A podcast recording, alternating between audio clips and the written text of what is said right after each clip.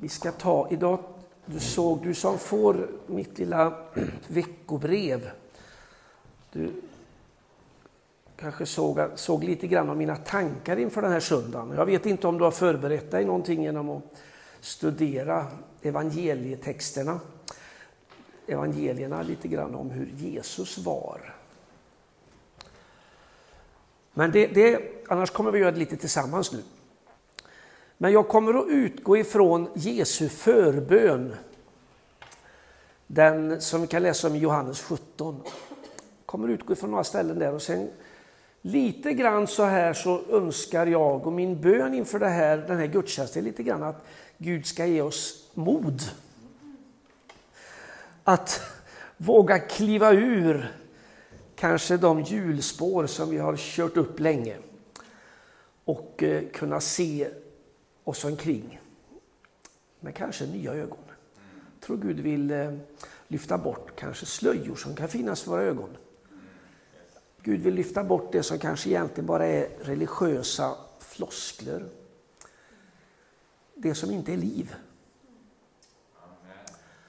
Det var ju mycket det som Jesus konfronterade faktiskt i sin vandring här på jorden. Så låt oss be. Tackar dig Herre för ditt ord. Jag tackar dig Herre för att det är levande och det är verksamt. Tackar dig också Herre för att du alltid har någonting att säga till oss i ditt ord.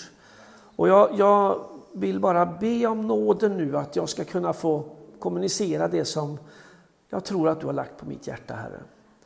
Men jag ber också om nåd för oss alla Herre, att ha mod att våga kliva ur de här som kanske är våra trygghetszoner, som är våra hjulspår. Det här att vi vet hur det ska vara och vi vet hur vi har gjort och, och vi vet hur det blir. Och istället lyfta vår blick och se på dig Herre. Hur, hur, vad dina tankar är för just nu. Så tack Herre att vi får avskilja, avskilja oss den här stunden nu inför ditt ansikte Herre att jag ber också om att våra hjärtan får vara mjuka, Herre. I Jesu namn. Amen. Jag vet inte om en del av det jag kommer att säga idag kan vara lite provocerande, men då får det väl vara det, tänker jag.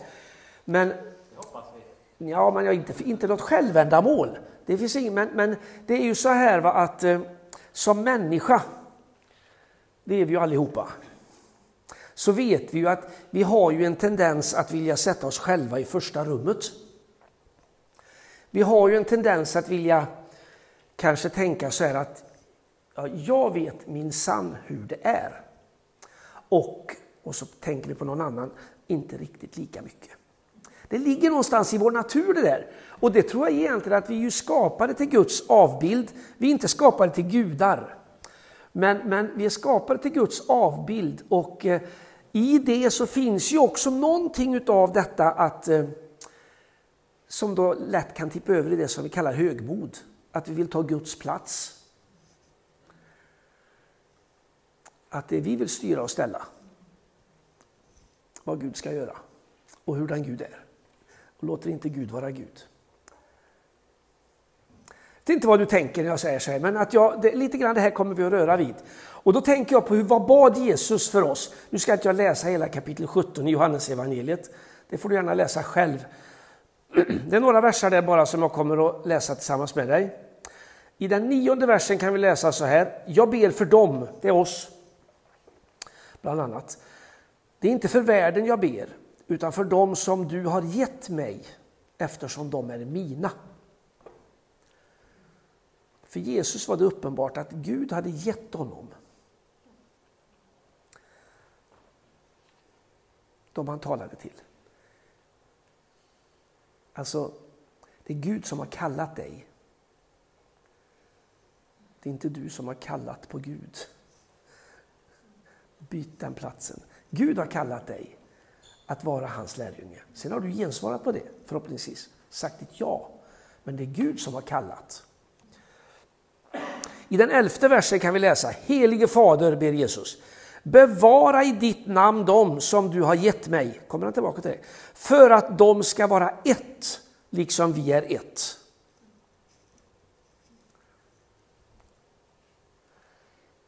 Kommer du ihåg för två, tre veckor sedan var då hade jag en predikan som jag kallade eh, eh, laget. Eh, jaget.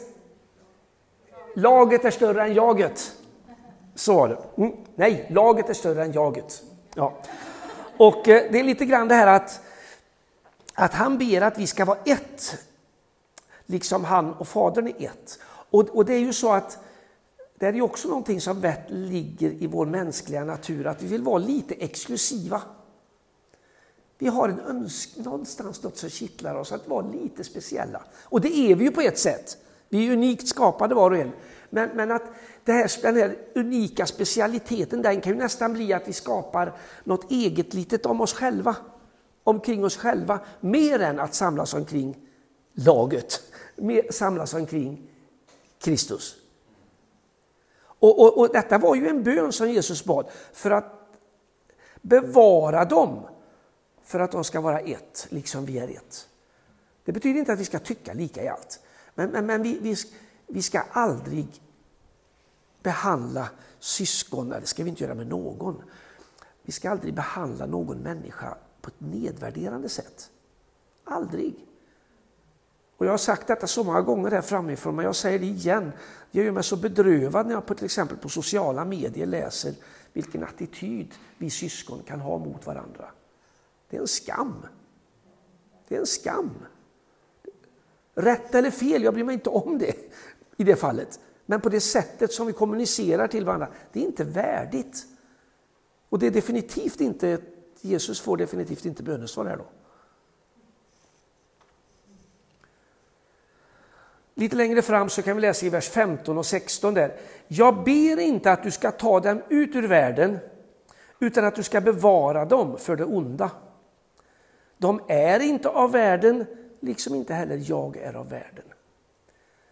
Vi kan också läsa att vi är uppmanade att leva i, men inte av, världen. Alltså, vi behöver aldrig vara rädda för världen.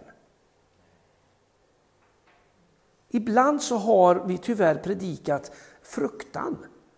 Passa dig för världen. Och det, det, är inte Guds, det är inte Guds evangelium. Det är inte Guds evangelium. Vi ska inte leka med den onde. För han går omkring och vill förgöra, det vet vi.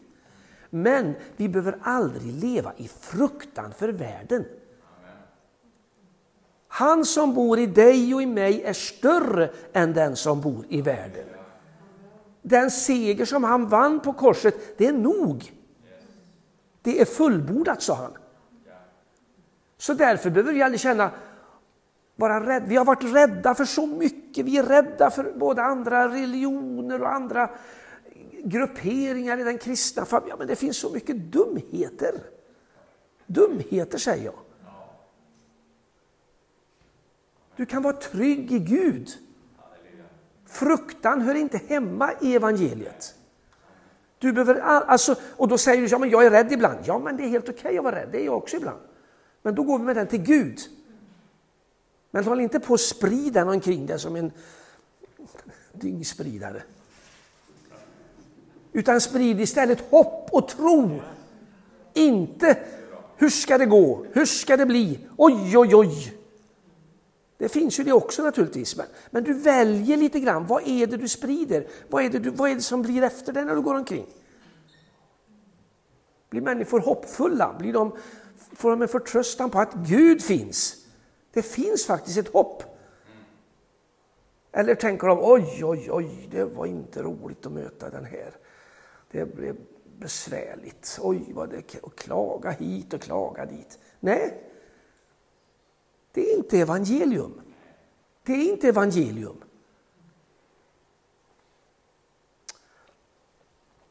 Och då skrev jag så här i mina lilla förberedelser här, att mod och kreativitet behöver vi be Gud om. Som kan hjälpa oss att lämna de här invanda mönstren som är livlösa. Och det mönster det behöver inte bara vara vad jag gör, det kan också vara tankemönster. Vi behöver ha mod och kreativitet. För om modet krävs för att vi kanske har byggt en stor del av vårt liv på att varna.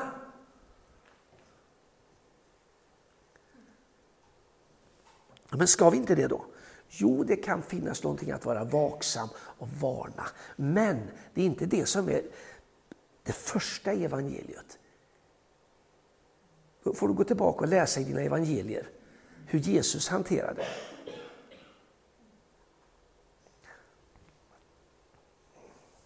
Så att eh, mod och kreativitet. Och då, och då behöver du de här frågorna, jag menar, jag, ja, men jag är ju inte fri från det här. Det vill jag vara den första att säga. Då skulle jag vara en lögnare och det hoppas jag att jag inte, jag vill inte vara det. Kanske är det ibland ändå, men jag, inte, men jag vill inte vara det. Och detta, jag menar, vi, vi kan tänka så här, ja men jag vet hur det ska gå till. Har du tänkt så någon gång? Och så retar dig på att någon annan inte har gjort som du visste hur det skulle vara. Har du tänkt så någon gång?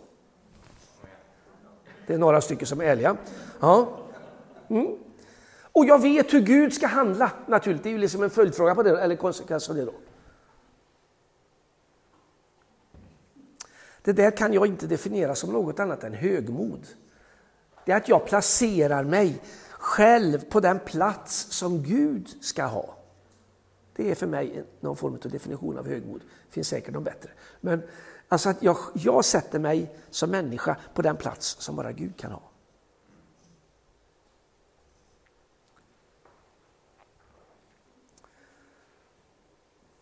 Vågar du be om mod och kreativitet? Vågar du sticka näsan ovanför hjulspåret? För att använda den bilden. För det finns ju lite, det finns ju, då, då hux flux så tappar jag kontrollen. Det kan vara hur vi har våra gudstjänster. Det kan vara hur vi gör när vi, ja allt möjligt. Hur, hur, hur en predikan ska vara, eller hur lovsången ska vara, eller hur bönen ska vara. Det kan vara de, så att säga, de saker som är grundläggande i tron, men som har på något vis cementerats och blivit någonting som saknar liv.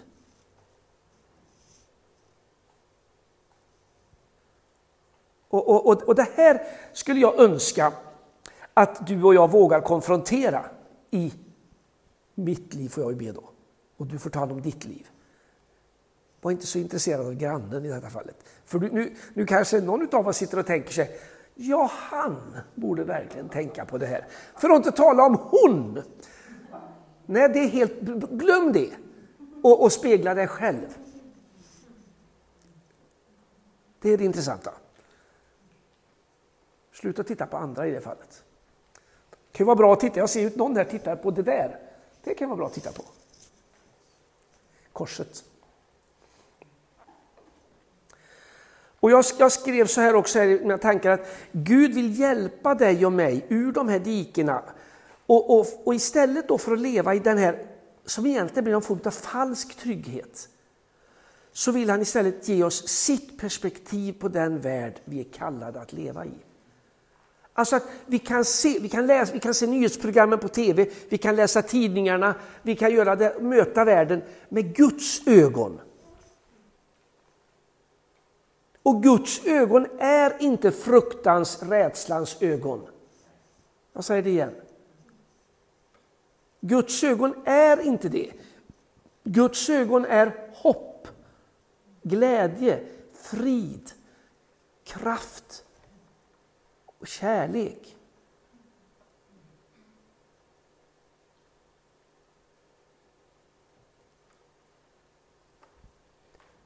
Och när vi reagerar på annorlunda sätt, vad gör vi då? Ja, då kan vi göra två sätt. Antingen säger, tänker vi så här att ja, du förstår inte hur jag har det. Därför är jag så här. Eller också tänker vi så här, Gud förlåt mig.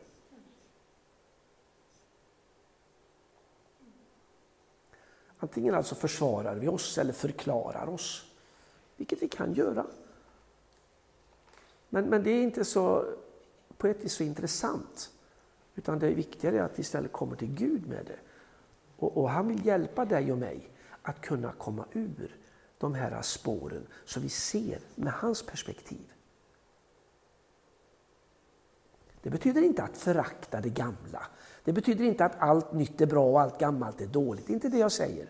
Om du läser in det. Det är inte det. Det handlar inte alls om det. Men vi måste, vi måste hela tiden söka Gud. Vi behöver ha vår förtröstan på Gud och på det han har för dig och mig och för oss. Hur ser han på situationen i världen idag, tror du? Kan bara ta sig den funderaren. Tycker han det är hopplöst? Nej. Tycker han det är bra allt som sker? Nej. Tror du han lider med alla människor som har ett helvete? Ja. Så han är inte långt borta. Han är ingen liksom så figur som flyter omkring.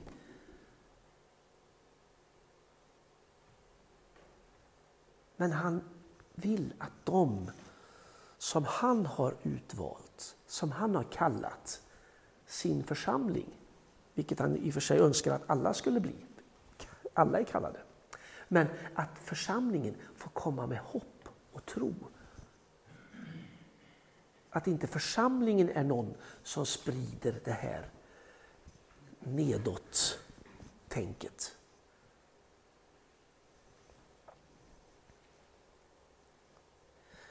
Och, och jag, jag, tro, jag, tror i det här så ligger det också på något, jag menar, det är ju ingen ont, det är inget ont uppsåt i när jag har de här tankarna.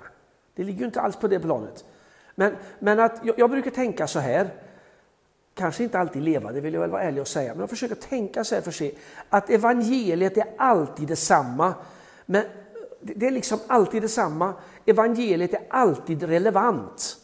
Alltså i varje tidsålder är evangeliet detsamma och relevant. Men sättet som det presenteras på är olika. Hade någon sagt idag, eller har sagt för hundra år sedan att, att det skulle vara människor som predikar på något som heter internet. Att det finns något som heter Facebook där man kan skriva glada tillrop. Tyvärr också mycket annan skit. Men så, så, så hade man inte trott på det. Min, far, mor, min, morfars, min morfar han levde inte under tiden man kunde resa ut i rymden. Utan han, han hade sa så här till sina barn någon gång när de började prata om detta här. Att den gången de kan resa ut i rymden i någon raket eller vad han hade för någon bild av sig då, då ska jag äta upp min hatt. Så verkligt var det för honom. Och på samma sätt kanske det är för dig. Att, att du kanske behöver äta upp hatten. Kanske är någonting som du behöver... Eh, hur ska det gå till? Hur ska det kunna ske? Ja, inte vet jag, men Gud vet. Och evangeliet som du och jag är satta att bära där vi är och där vi går fram. Det, det, det är alltid detsamma. Det, det kan vi inte hålla på och göra avkall på. Men metoden, eller sättet vi kommunicerar det, det tror jag behöver ske en förändring hela tiden. Det är friskt på något vis. Och vi har ju så lätt att komma in i våra schabloner och våra mönster. Hur det ska vara. För det var faktiskt bra när jag var tonåring, då funkade det. Och nu är jag 66. Och då, om jag då tror att det är på samma sätt, ja det är samma evangelium, det är lika relevant. Men kanske att tiden har ändrats på de 40-50 åren. Och då kanske vi gör på ett annat sätt. Betyder det att vi föraktar det gamla? Nej. Men vi lever nu. Vi levde inte, ja vi levde då också ibland, men vi lever inte då. Och det där kan vara lite svårt för dig som mig som människa. Det kan vara jättesvårt. Det där har ju, det har ju det har ju ibland liksom blivit helt sjukt. Detta till exempel hur vi sjunger lovsång. Att då, då, då uttrycks det så ibland, ja men det där är minsann en riktig lovsång. För den sjöng vi när jag kom till tro. Det där sista sa vi inte, men vi säger det första. Och, och, och det, det, betyder inte att alltså, det hela tiden finns en rörelse i församlingen.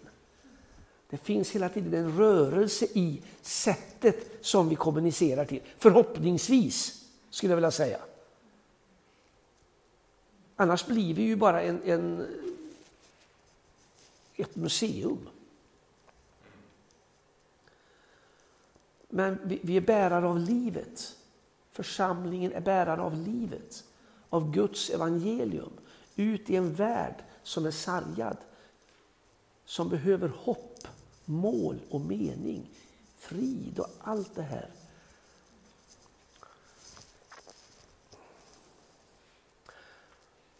Jag skrev så här också bara att som människor, vilket jag igen vill jag hela tiden stryka under då, så vill vi lätt väldigt, åt, väldigt gärna återskapa Guds skeende. Alltså att vi blandar ihop Guds skeende med, med själens upplevelse. Själen har Gud gett oss och den är fantastisk. Där får vi känna mycket, både glädje och frid och allt vad det är. Men, men om vi blandar ihop Guds närvaro med själens upplevelse, då gör vi Gud väldigt, käns väldigt känslostyrd. För då betyder det om inte jag upplever någonting, ja då är inte Gud nära. Ni sjöng en sång, den här sången här, att, eh, och det tänkte jag, sjöng du med i den? Det här att äv, även ja, när, när ingenting syns och ingenting känns, så är Gud där. Associera aldrig Guds närvaro med vad du ser och känner. För Gud är alltid närvarande. Sen vill han att du kan få känna både det ena och det andra och uppleva både det ena och det andra. Det är inte emot det. Men om du inte känner och upplever någonting, säg då inte att Gud är långt borta. För det är han inte. Då gör du dig skyldig till en lögn. För han är alltid nära dig och mig. Alltid. Får jag ta några känslor då? Jo, för det får du ha. Och de kan vara jättebra. Men då är det så att vissa av oss här i detta rummet har jättemycket känslor. Och vi känner jättemycket. Lite grann vilken person vi är, vilken gåva vi är. Och vissa av oss känner nästan ingenting. Får nästan fråga, kändes det dumt när jag gjorde det här eller kändes det rätt? Vi är så olika som människor. Är, vi, är då den ene rätt och den andra fel? Nej, vi behöver varandra. Vi behöver be Gud om nåd att älska varandra. Att hålla kvar i ettet. För att Guds evangelium ska bli förkunnat och spritt. Ja. Jag skrev så här också. Det här kan leda till, kanske omedvetet hoppas jag ju, att jag tänker så här att jag eller vi är lite bättre och har en något större uppenbarelse över vad det kristna livet innebär. Jag eller vi då är, är nog lite bättre och har en lite större uppenbarelse över vad det innebär att vara en kristen. Vet du vad det är? Börjar på H. Högmod igen, vet du. Har det där funnits ibland oss? Ja. Har det funnits i mig? Ja. Så får du svara för dig. Om vi nu bara, nu ska vi ska landa nu här, men om vi nu tittar på evangelierna då så ser du liksom när du ser på Jesus att han är ju otroligt flexibel i sitt sätt att förkunna evangelium. Eller hur? Han gör inte bara på ett sätt utan han, när han möter människor så talar han på olika sätt. För att han, han, han, känner, han är, alltså det är så intressant, han är ju som en expert på att känna av vem han talar till och i vilket sammanhang han talar. Han kör ingen, inget ramsa bara liksom, så har jag gjort det. Utan han, han talar utifrån en väldig medvetenhet, dels om vad han är kallad till och sen också att, han, att hans rike är inte av denna världen. Och eh, nu ska inte jag läsa alla evangelierna för det blir ganska mycket. Men jag, jag, för ett antal år sedan så kom det ut en, en man som inte är, han säger att han är, om man nu kan vara det, lite kristen, jag vet inte vad hans hjärta är. Men det är en man som heter Kroksmark, han är en, didaktik, en professor i didaktik eh, alltså i konsten att undervisa, metoder hur man gör. Och han skrev en bok som heter Didaskalos, som alltså hur man undervisar. Och då tog han, myntade ett begrepp som har blivit lite ett begrepp i vissa sammanhang, Jesu pedagogik. Och han lyfte fram Jesus som den optimala pedagogen. Just för att han använde så många sätt. Och han säger att han föreläste. Han eh, hade liknelser. Han hade olika illustrationer. Kan du se vilka bilder han använde? Här? Han hade dialog, han samtalade. Han hade frågor och motfrågor. Och han upprepade saker och mycket annat. Och sen så säger han en sak som jag tror åtminstone Anders behöver arbeta på.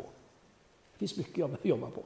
Men det här, han, han säger så här också att Jesus satte en väldigt stor tilltro till förmågan att tänka själv.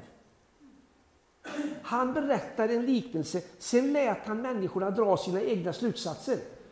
Han talade inte om slutsatser så mycket. Det där är ganska intressant. Vi vill ofta också tala om vad hans Jesus sa och så slutsatsen. Vi litar inte riktigt på att varje människa kan och det, det, det där var en intressant aspekt som han lyfte fram där då. Du kan ju, man kan ju, man kan ju läsa när Jesus talar möter människor. Att, eh, att han, han, eh, han utgår ifrån att det är en människa som själv kan dra slutsatser. Som själv kan göra reflektioner. Som själv kan fatta beslut. Det är intressant.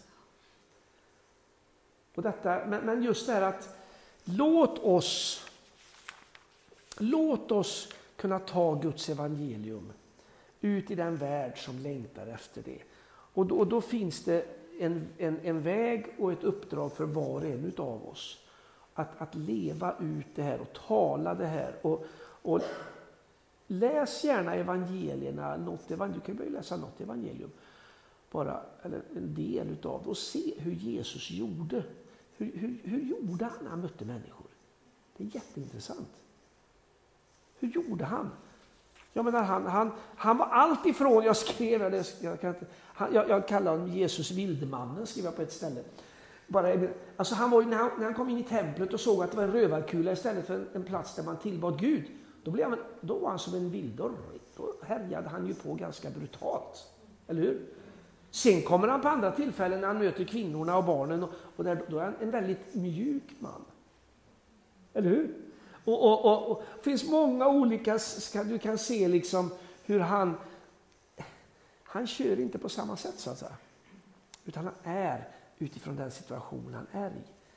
Och där tror jag att du och jag får be Gud om hjälp och mod att våga vara så flexibla. Kanske gå utanför det här. Vi vet hur det är, vi vet hur man ska göra, vi vet hur det går till.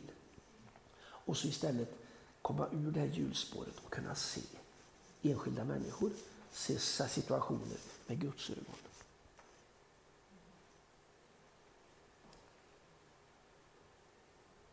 Tror du det finns en väg för oss? Jag tror det, jag är övertygad om det. Vi ber tillsammans. Jag kan göra så här också att om, du, om det är någonting av det här som jag har sagt som du känner det här, så ge, lämna av det till Gud. Han, han, han, har full kontroll över det där du sitter och jag ska stänga av den här bara nu. Och, ursäkta mig. Jo, att, att eh, han har full kontroll över, över situationen. Men om det är saker som du har blivit påminn om, det här kanske jag borde ompröva. Det här kanske är någonting jag skulle behöva bli av med. Så, så ta det här tillfället nu och låt det bara vara en stund där du, får, där du är inför Herrens ansikte och, och så låter vi honom göra sitt verk. Jag tackar dig Herre för att du har kallat var och en av oss Herre. Du har kallat oss vid namn. Tackar dig också Herre för att du vill. Du ser vår svaghet Herre, du ser vad vi brottas med Herre. Du ser allt det här som vi kanske inte är så stolta över i våra liv. Tackar att vi får komma med det till dig Herre och vi får ta emot Herre ifrån dig det liv som du har för oss. Tackar dig Herre för att du vill ge oss ett mod Herre att kunna gå ur de här invanda spåren Herre för att kunna se nuet med dina ögon, Herre. Kunna se de människor som just nu finns på vår jord. Se de människor vi har i vår närhet med dina ögon, Herre. För att kunna möta dem på ett sätt som är värdigt dig, Herre. Möta dem med ditt evangelium, Herre. Både i ord och handling. Tackar dig Herre för att du vill komma till var och en av oss här. Och du ser den eller de som har uttryckt något inför dig. Jag tackar dig för att du inte ser att svara på bön när vi ber en bön av hjärtat.